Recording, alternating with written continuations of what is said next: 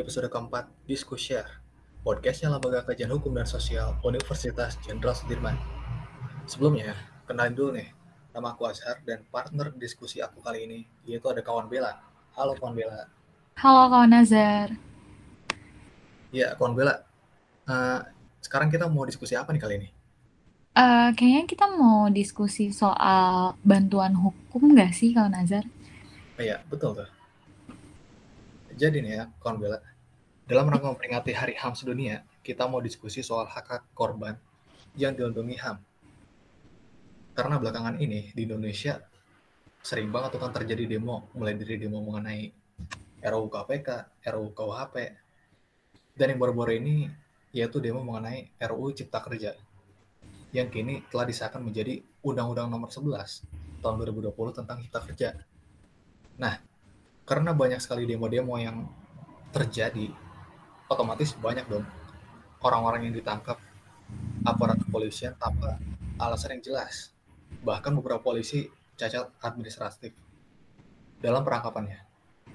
Cacatnya administrasi dalam perangkapan merupakan permulaan pelanggaran dari hak-hak yang seharusnya didapatkan seorang yang ditangkap. Setelah ditangkap pun banyak orang-orang yang tidak diberikan hak-hak yang seharusnya didapatkan, seperti bantuan hukum yang terkesan dipersulit oleh pihak kepolisian, dan banyak pula yang mendapatkan kekerasan tanpa tahu mengapa ia ditangkap sebelumnya. Nah, hal-hal yang seperti inilah yang menyebabkan orang-orang tersebut menjadi korban pelanggaran hak asasi manusia. Hukum sudah jelas mengatur bahwa hak sudah jelas mengatur bagaimana prosedur tentang hak-hak, syarat, serta tata cara penangkapan dan juga penahanannya. Namun pada realitanya masih banyak oknum yang tidak mematuhi yang memperburuk keadaan yang memperburuk keadaan. Alangkah disayangkan masih banyak orang yang belum mengetahui bahwa mereka memiliki hak-hak yang dilindungi oleh hukum apabila ia tiba-tiba ditangkap atau ditahan secara tiba-tiba. Kira-kira gitu kan, Bila? Iya benar banget tuh kawan Azhar. Uh, aku menyambung dari tadi uh, statement kawan Azhar mengenai penangkapan ya kawan Azhar. Aku mau uh, nyambung soal penangkapan itu di uh, yang terjadi pada saat aksi demo penolakan uh, Cipta Kerja kemarin gitu, Undang-Undang Cipta Kerja kemarin gitu. Penangkapan yang dilakukan terhadap masa aksi pada saat uh, demo penolakan Undang-Undang Cipta Kerja kemarin itu uh, itu ternyata banyak loh yang menduga penangkapan itu tidak memenuhi, memenuhi syarat-syarat penangkapan yang sah sebagaimana diatur di dalam pasal 17 KUHAP dan pasal 18 ayat 1 KUHAP. Uh, di dalam pasal 17 KUHAP itu dinyatakan bahwa perintah penangkapan dilakukan terhadap seorang yang diduga keras melakukan tindak pidana berdasarkan bukti permulaan yang cukup. Sementara di pasal 18 ayat 1 KUHAP dinyatakan pula bahwa pelaksanaan tugas penangkapan dilakukan oleh petugas kepolisian negara Republik Indonesia dengan memperlihatkan surat tugas serta memberikan kepada tersangka surat perintah penangkapan yang mencantumkan identitas tersangka dan menyebutkan alasan penangkapan serta uraian singkat perkara kejahatan yang dipersangkakan serta tempat ia diperiksa. Jadi apabila kita uh, simpulkan dan kita melihat berdasarkan pasal uh, yang sebelumnya aku sebutkan itu bahwa syarat sahnya penangkapan itu antara lain yang pertama pelaksanakan tugas penangkapan itu dilakukan oleh kepolisian uh, Republik Indonesia. Kemudian yang kedua, pihak kepolisian memperlihatkan surat tugas. Yang ketiga, memberikan surat perintah penangkapan terhadap tersangka yang di dalamnya tercantum identitas tersangka dan menyebutkan alasan penangkapan. Yang keempat, menjelaskan secara singkat perkara kejahatan yang ditersangkakan serta memberitahukan tempat ia diperiksa. Uh, kemudian penangkapan pada saat uh, demo terkait penolakan Undang-Undang Cipta Kerja itu apabila kita lihat ya kawan Azhar uh, dengan demonstrasi reformasi di korupsi September uh, 2019 lalu itu sepertinya tuh polanya tuh berulang begitu kawan Azhar. Uh, salah satunya itu adalah sulitnya akses uh, mengenai data keberadaan orang-orang yang dilakukan penangkapan. Dengan itu para pemberi bantuan hukum itu uh, mengalami kesulitan untuk memberikan bantuan hukum kepada penerima bantuan hukum atau yang dilakukan uh, penangkapan tersebut gitu. Sementara apabila kita uh, apabila kita melihat ya uh, di uh, KUHAP dan di peraturan-peraturan lainnya itu bahwasanya uh, apabila seseorang dilakukan penangkapan itu uh, dia seharusnya uh, diberitahukan kepada keluarganya begitu. Jadi uh, kalau misalnya seseorang yang dilakukan penangkapan ini tidak diberitahukan kepada keluarganya, apakah mungkin itu disebut dengan dihilangkan? Wah, saya juga kurang tahu ya kawan Azhar. Oh, iya. Kemudian uh, mungkin aku bisa lanjut ke uh, data nih kawan Azhar. Tadi kan sudah aku uh, sebutkan ya bahwasanya uh, kesulitan gitu untuk mendapatkan uh, data mengenai keberadaan orang-orang yang dilakukan penangkapan gitu. Dikutip juga dari uh, rilis yang dikeluarkan Yayasan Lembaga Bantuan Hukum Indonesia, tim advokasi untuk demokrasi yang mendampingi masa aksi itu kesulitan untuk mendapatkan data pasti berapa jumlah keseluruhan masa aksi yang ditangkap kepolisian dan uh, bagaimana status penahanannya gitu. Padahal data ini tuh benar-benar krusial ya kawan Azhar karena uh, bagaimana ya? Uh, karena banyaknya masa aksi yang uh, sampai saat itu gitu uh, dilaporkan hilang dan belum diketahui keberadaannya, maka jadi menurutku itu juga uh, sangat krusial gitu. Uh, bagaimana pemberi bantuan hukum akan memberikan bantuan hukum kalau misalnya mereka tidak mendapatkan data yang pasti gitu kan. Nah, ketidakpastian jumlah uh, masa aksi ini dibuktikan nih dari perbedaan beberapa data yang uh, kita temukan ya sebelumnya Kak Nazar. Uh, dinyatakan sebelumnya oleh pihak Polda Metro Jaya melalui berita yang dilansir oleh BBC dalam kutipannya yang menyatakan bahwa jumlah orang yang ditangkap itu lebih dari seribu orang. Sedangkan data yang ditemukan oleh hkssi.id itu menyatakan bahwa jumlah yang ditangkap itu uh, sekitar 4.905 uh, di beberapa daerah di Indonesia. Ini sangat menyatakan dan membuktikan bahwa uh, adanya ketidakselarasan uh, antara pihak kepolisian dan uh, kami gitu sebagai masyarakat sipil mengenai uh, data orang-orang yang dilakukan penangkapan. Seharusnya menurutku seharusnya itu ke pihak kepolisian itu transparan gitu mengenai berapa orang dan uh, di mana ditahannya orang-orang tersebut gitu kawan Azhar. Iya, kawan Bella. Uh, sehubungan dengan itu, uh, ya. kita sadar ya bahwa bantuan hukum itu sangat diperlukan. Betul. Maka dari itu, pemberian bantuan hukum itu uh, harus diedukasi kepada masyarakat. Betul Dan banget tuh. Di sini kita tuh harus paham terlebih dahulu kira-kira apa sih bantuan hukum itu. Nah, bantuan hukum adalah salah satu perwujudan dari amanat pasal 28D ayat 1 Undang-Undang Dasar 1945 yang menyatakan setiap orang berhak atas pengakuan, jaminan, perlindungan, dan kepastian hukum yang adil serta perlakuan yang sama di hadapan hukum. Undang-Undang Dasar, Undang-Undang Dasar 1945 mengualifikasikan hak atas pengakuan, jaminan, perlindungan, dan kepastian hukum yang adil serta perlakuan yang sama di hadapan hukum sebagai bagian dari hak asasi manusia penyebutan hak dalam Undang-Undang Dasar 1945 itu membawa konsekuensi tertentu, baik terhadap pengualifikasiannya maupun pihak mana yang memiliki kewajiban terutama dalam pembunuhannya. Oleh karena itu, kan bela disebutkan secara resmi, secara resmi dalam konstitusi maka, maka hak tersebut di, dikualifikasikan sebagai hak konstitusional setiap warga negara. Sehingga pemegang kewajiban utama dalam pemenuhannya adalah negara. Lalu pemberian bantuan hukum ini diatur di mana sih? Kira-kira gitu ya.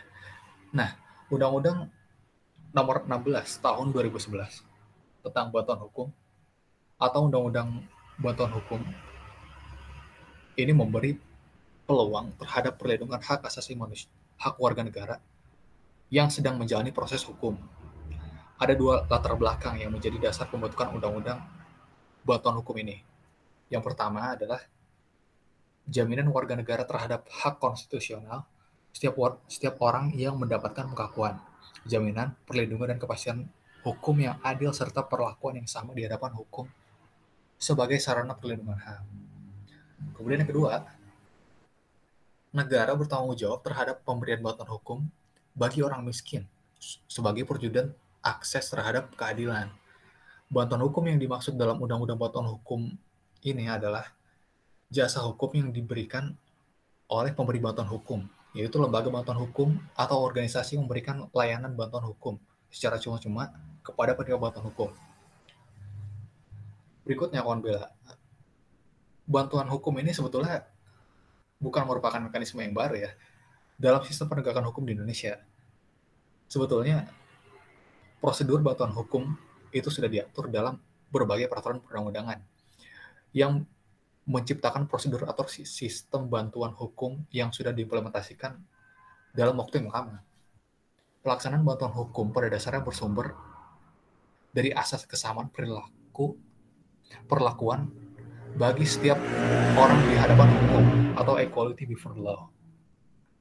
Dan asas praduga tidak bersalah atau presumption of innocence yang sebelumnya sudah diakui dalam peraturan dan kebijakan Indonesia Nah, oleh karena itu, dalam melihat kerangka hukum tentang bantuan hukum tidak dapat dilepas dari masa waktu sebelum undang-undang bantuan hukum diberlakukan.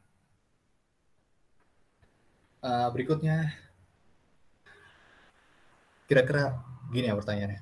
Kalau kita mau minta bantuan hukum itu syaratnya apa aja ya? Nah, Undang-Undang Bantuan Hukum juga mengatur syarat dan tata cara pemberian bantuan hukum untuk memperoleh bantuan hukum. Uh, pemohon bantuan hukum itu harus memenuhi syarat-syarat yang di antaranya itu ada yang pertama mengajukan permohonan secara tertulis yang berisi sekurang-kurangnya identitas pemohon dan uraian singkat mengenai pokok persoalan yang dimohonkan bantuan hukum. Kemudian yang kedua, menyerahkan dokumen yang berkenaan dengan perkara dan melampirkan surat keterangan miskin dari lurah, kepala desa, atau pejabat setingkat di tempat tinggal pemohon bantuan hukum. Nah, meski terdapat syarat bahwa permohonan harus diajukan secara tertulis, dalam pasal 14 ayat 2 Undang-Undang Bantuan Hukum memberikan pengecualian. Jadi, jika pemohon bantuan hukum tidak mampu menyusun permohonan secara tertulis, maka permohonan dapat dilakukan secara lisan. Nah, caranya itu dapat diajukan dan dinyatakan lengkap oleh pemberi bantuan hukum. Harus diberikan jawaban menerima atau menolak dalam waktu tiga hari. Apabila pemohon diterima, permohonan diterima, pemberi bantuan hukum memberikan bantuan hukum berdasarkan surat kuasa khusus dari menerima bantuan hukum. Sebaliknya, apabila permohonan itu ditolak, maka pemberi bantuan hukum mencantumkan alasan penolakan. Dan uh, pengaturan lebih lanjut mengenai syarat dan tata cara pemberian bantuan hukum ini diatur lebih lanjut dengan peraturan pemerintah ya. Nah, sekarang yang menjadi pertanyaan itu siapa yang berhak menerima bantuan hukum?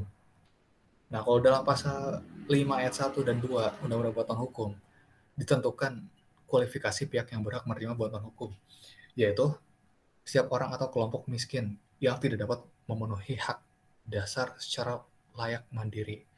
Kemudian, yang dimasukkan dengan pemenuhan hak dasar tersebut meliputi hak atas pangan, sandang, layanan kesehatan, layanan pendidikan, pekerjaan, berusaha, dan atau perumahan. Berikutnya, uh, hak dan kewajiban pria bantuan hukum itu apa sih?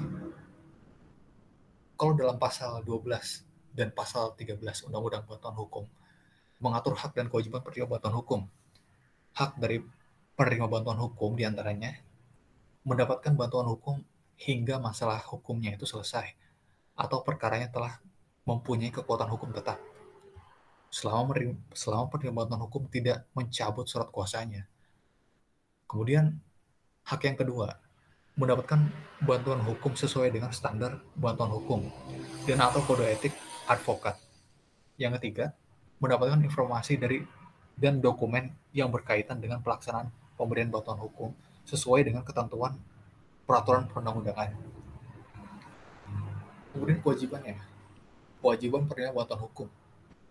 Dia tuh jelas menyampaikan bukti, informasi, dan atau keterangan perkara secara benar kepada pemberi bantuan hukum. Lalu membantu kelancaran pemberian bantuan hukum itu sendiri. Nah, uh, sekarang pemberi bantuan hukum itu siapa sih? Jadi pemberi bantuan hukum itu adalah lembaga bantuan hukum atau organisasi kemasyarakatan yang memberi layanan bantuan hukum berdasarkan undang-undang bantuan hukum. Kemudian syarat-syarat pemberi bantuan hukum itu meliputi yang pertama harus berbadan hukum, kemudian terakreditasi berdasarkan undang-undang bantuan hukum, kemudian memiliki kantor atau sekretariat sekretariat yang tetap, kemudian memiliki pengurus, dan yang terakhir memiliki program bantuan hukum. Nah, kira-kira itu Bila yang bisa aku sampaikan tentang bantuan hukum itu apa sih? Gimana nih Bila? Oke oke. Ih, menarik banget ya soal bantuan hukum, karena bantuan hukum tuh, uh, menjadi sangat penting gitu ya kawan Azhar untuk kita ketahui gitu. Terutama, uh, untuk kita nih kaum, uh, milenial, uh, anak-anak muda zaman sekarang, mahasiswa, itu kita perlu tahu mengenai bantuan hukum itu sendiri gitu. Jadi, uh, kita tuh nggak perlu takut lagi nih kawan Azhar untuk, uh, menyampaikan pendapat, uh, di muka umum, untuk, uh, menyuarakan, uh, suara-suara dan aspirasi kita, untuk mengikuti aksi demonstrasi, itu uh, nggak perlu takut lagi nih. Kita nggak perlu jadi uh, masyarakat atau mahasiswa yang apatis lagi karena uh, kita sebagai uh, warga negara itu uh, berhak untuk mendapatkan bantuan hukum ya. Begitu ya kawan Azhar? Betul banget Bella oke mungkin aku mau lanjut nih ya kawan Azhar uh, jadi kan tadi sempat dibahas ya kalau uh, bantuan hukum itu juga diatur uh, di ya. Uh, aku mau ngulas lagi nih soal bantuan hukum di uh, pidana, di hukum acara pidana atau di KUHAP. Jadi uh, bantuan mengenai bantuan hukum itu juga diatur di uh, KUHAP, tepatnya itu di pasal 54 KUHAP yang menyatakan bahwa guna kepentingan pembelaan tersangka atau terdakwa berhak mendapat bantuan hukum dari seorang atau lebih penasihat hukum selama dalam waktu dan pada setiap tingkat pemeriksaan menurut tata cara yang ditentukan dalam undang-undang ini atau uh, dalam KUHAP itu sendiri gitu. Tapi uh, selain pengaturan bantuan hukum yang berkaitan dengan hukum acara pidana tadi, pengaturan bantuan hukum itu juga uh, ternyata menjadi materi muatan di dalam peraturan yang berkaitan dengan HAM loh kawan Nazar. Oh, iya. Contohnya itu uh, undang-undang khusus tentang HAM pertama yang dimiliki oleh Indonesia itu kan Undang-Undang Nomor 39 Tahun 99 tentang hak asasi hak asasi manusia ya atau Undang-Undang HAM gitu. Nah, di dalam Undang-Undang HAM ini itu ada dua pasal utama nih yang menyinggung mengenai bantuan hukum, yaitu ada di pasal 18 ayat 4 dan pasal 66 ayat 6. Di pasal 18 ayat 4 itu menyebutkan bahwa setiap orang diperiksa berhak mendapatkan bantuan hukum sejak saat penyidikan sampai adanya putusan pengadilan yang telah memperoleh kekuatan hukum tetap. Nah, di pasal 66 ayat 6 Undang-Undang HAM itu mengatur tentang bantuan hukum yang dijamin khusus kepada anak sebagai penerima bantuan hukum. Di dalam pasal itu e, disebutkan bahwa setiap anak yang dirampas kebebasannya itu berhak memperoleh bantuan hukum atau bantuan lainnya secara efektif dalam setiap tahapan upaya hukum yang berlaku. Kemudian bicara mengenai bantuan hukum, uh, itu kita sebagai warga negara, se sebagai manusia itu kita memiliki hak atas bantuan hukum. Nah, hak untuk mendapatkan bantuan hukum ini juga telah diakui secara universal dan menjadi salah satu alat ukur utama dari sebuah peradilan yang jujur gitu. Di dalam uh, pasal 2 huruf D Kovenan Hak Sipil dan Politik itu menyatakan bahwa setiap orang berhak mendapatkan bantuan hukum pada setiap tingkat pemeriksaan. Nah, Hal ini selaras dengan ketentuan pasal 14 bahwasanya setiap orang itu harus diperlakukan sama di hadapan hukum tanpa terkecuali. Prinsip persamaan di muka hukum ini termasuk untuk didampingi oleh penasehat hukum, kawan Nazar. Yeah. Selain hak atas bantuan hukum, aku juga mau uh, sedikit mengulas mengenai hak hukum individu nih, kawan Azhar. Hak hukum individu itu uh, juga diatur di dalam Undang-Undang Nomor 39 tahun tahun 99 tentang HAM gitu. Di Undang-Undang HAM ini mengatur beberapa hal penting terkait jaminannya terkait jaminan pemenuhan hak hukum individu bagi setiap warga negara. Yaitu salah satunya menjamin hak tersangka dan terdakwa tidak diperlakukan secara diskriminatif, hak untuk tidak disiksa dan persamaan di muka hukum, dan hak untuk hidup. Nah, apabila kita melihat dari konvensi menentang penyiksaan dan perbuatan tidak manusiawi lainnya atau uh, disingkat itu CAT, itu spesifiknya ada di pasal 2 ayat 2 konvensi tersebut uh, menegaskan bahwasanya tidak ada pengecualian dalam kondisi apa pun. Bahkan meskipun negara dalam kondisi darurat sekalipun, itu tidak boleh dijadikan legitimasi untuk melakukan tindak penyiksaan gitu. Nah, selaras dengan ketentuan ini, prinsip keenam dari prinsip perlindungan kepada setiap orang di bawah segala bentuk penahanan itu menjelaskan bahwa tidak ada satu orang pun di dalam tahanan boleh disiksa atau diperlakukan secara tidak manusiawi, serta tidak ada pengecualian yang dapat digunakan sebagai alasan pembenar. Kemudian uh, berkaitan dengan itu uh, ada nih kita itu sebagai warga negara juga mempunyai hak untuk tidak ditangkap dan ditahan secara sewenang-wenang. Hal ini ada di pasal 9 ayat 1 ICCPR atau Kovenan Hak Sipil dan Politik yang menyatakan bahwa setiap orang berhak atas kebebasan dan keamanan pribadi. Tidak seorang pun dapat ditangkap atau ditahan secara sewenang-wenang.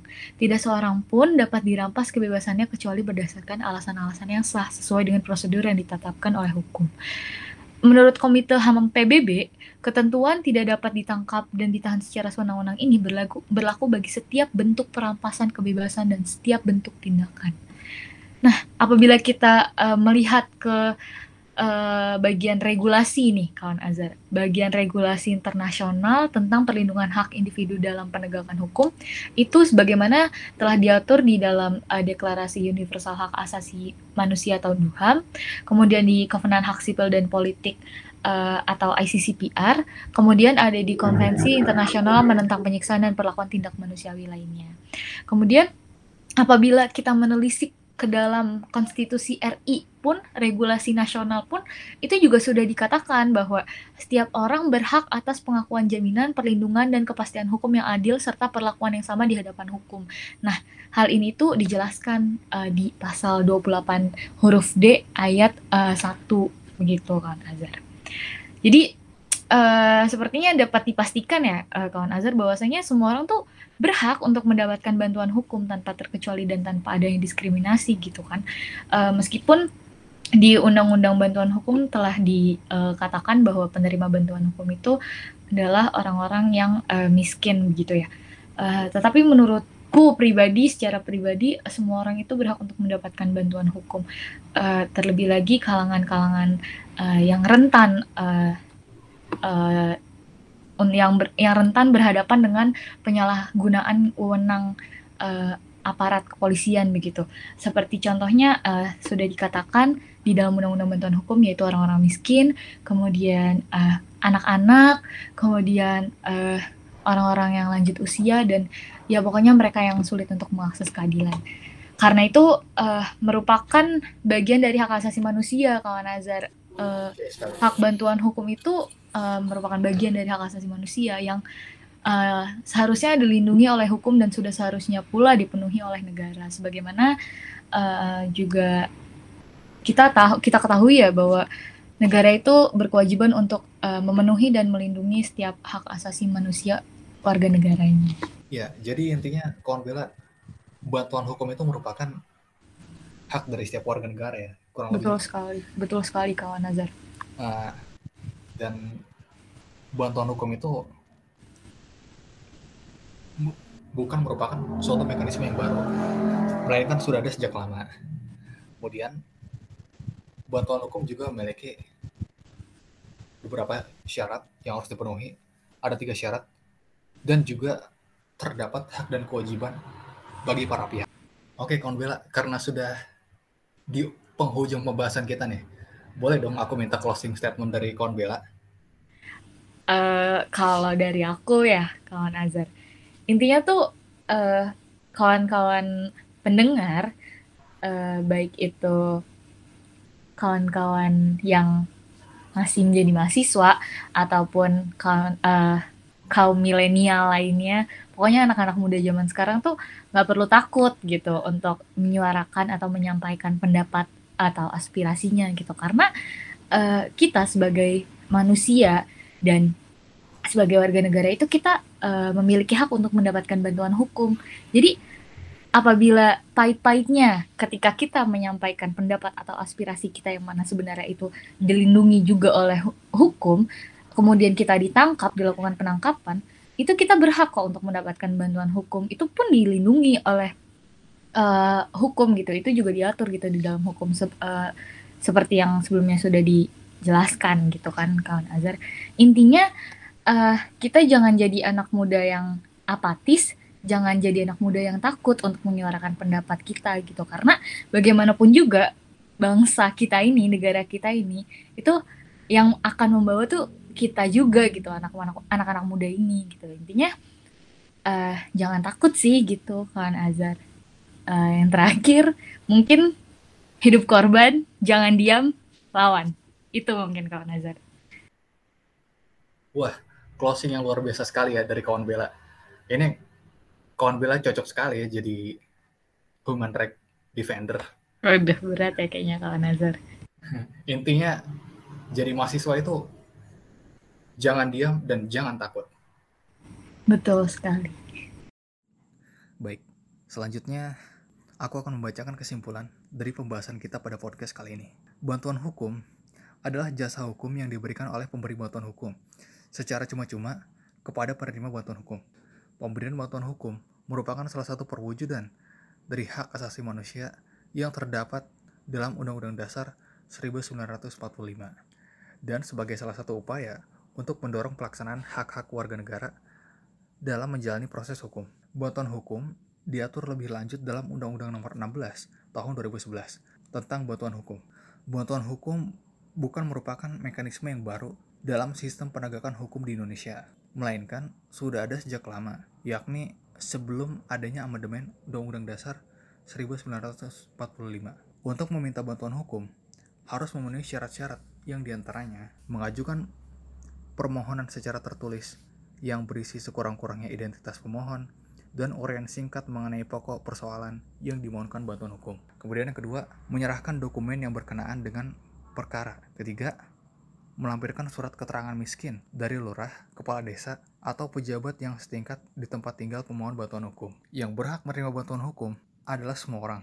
Kemudian, dalam pasal 5 ayat 1 dan 2 Undang-Undang Bantuan Hukum ditentukan kualifikasi pihak yang berhak menerima bantuan hukum, yaitu setiap orang atau kelompok orang miskin yang tidak dapat memenuhi hak dasar secara layak dan mandiri.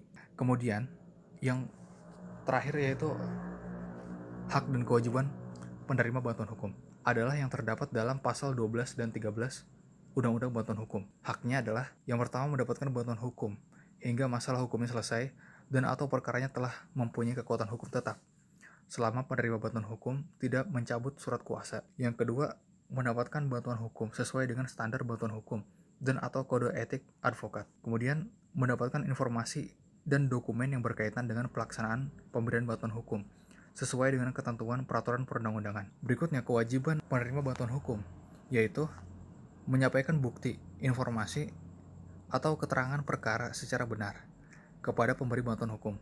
Berikutnya, membantu kelancaran pemberian bantuan hukum. Ya, baik. Mungkin itu kesimpulan yang bisa saya sampaikan. Semoga podcast kali ini bermanfaat dan menambah wawasan bagi kita semua.